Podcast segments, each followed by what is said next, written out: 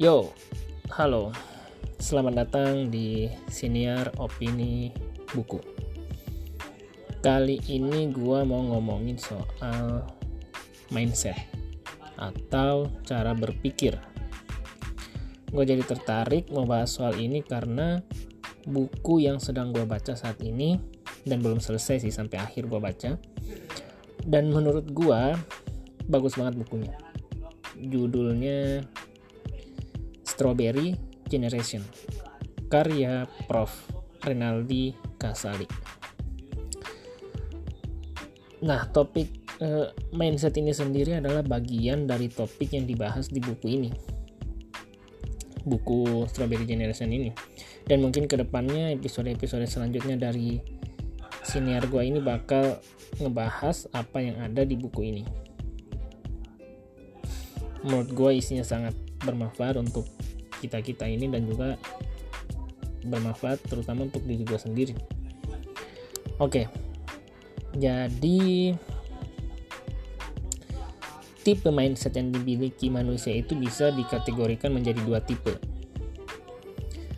Yang pertama, fix mindset dan yang kedua, grow mindset.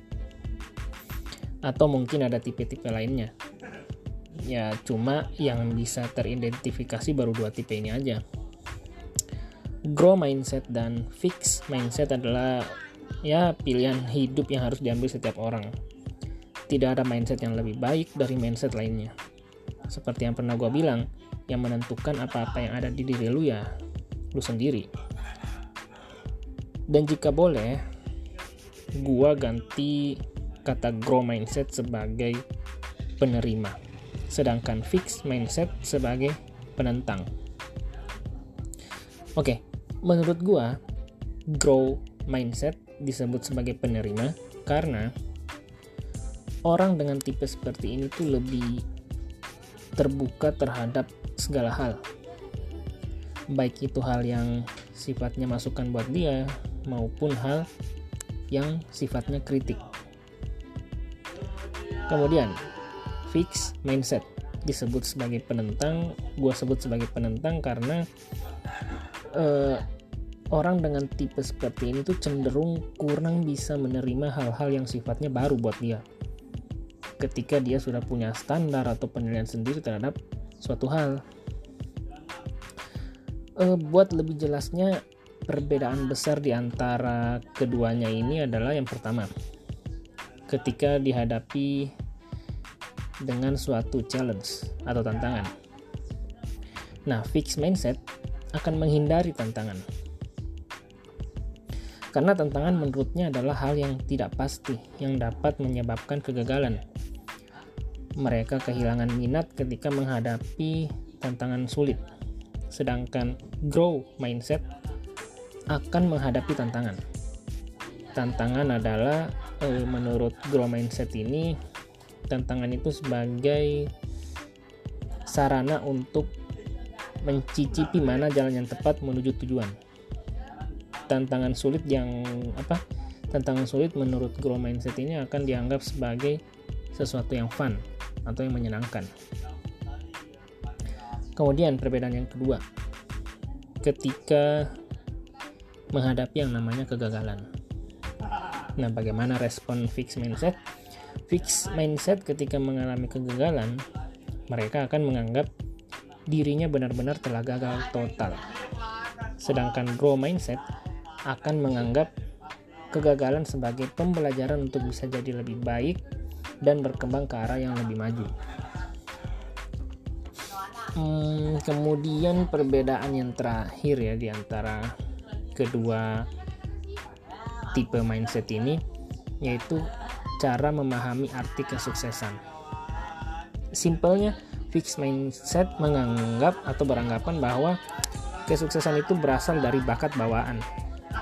Sedangkan grow mindset menganggap kesuksesan itu bisa diraih dengan sungguh-sungguh, dengan resilience atau ketangguhan, dan dengan usaha yang secara berkala dilakukan. Karena eh, sukses adalah menurut tipe grow mindset ini sukses adalah journey atau perjalanan, bukan destination atau tujuan. Nah, eh, kemudian ada sebuah laporan yang dirilis oleh FBI. Tahu dong FBI ya, kayak agen rahasia gitu. Nah, ada laporan yang dirilis oleh FBI ini terkait latar belakang dan perilaku orang-orang terkenal. Salah satunya siapa lagi kalau bukan mendiang Steve Jobs. Nah, hasil dari wawancara dan analisis dari laporan FBI tersebut mengatakan meski terkenal dia ternyata hanya punya indeks prestasi kumulatif 2,65 pada saat duduk di bangku atau duduk di tingkat SMA. Itu katanya. Ya angka ini jelas objek apa? Angka ini ya jelas objektif dan bukan hasil dari pemikiran penulis. Coba ya, kalau kalau kita baca atau mendengar hasil laporan FBI ini jauh jauh sebelum Jobs terkenal kira-kira apa coba yang bakalan kita pikir? Apa yang bakalan kita uh, pikir soal dia?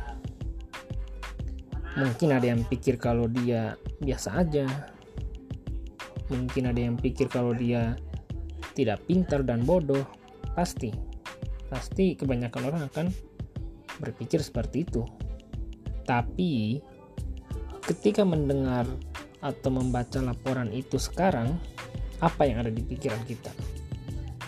Yep, pasti bakalan lah terus kenapa kalau IPK-nya rendah?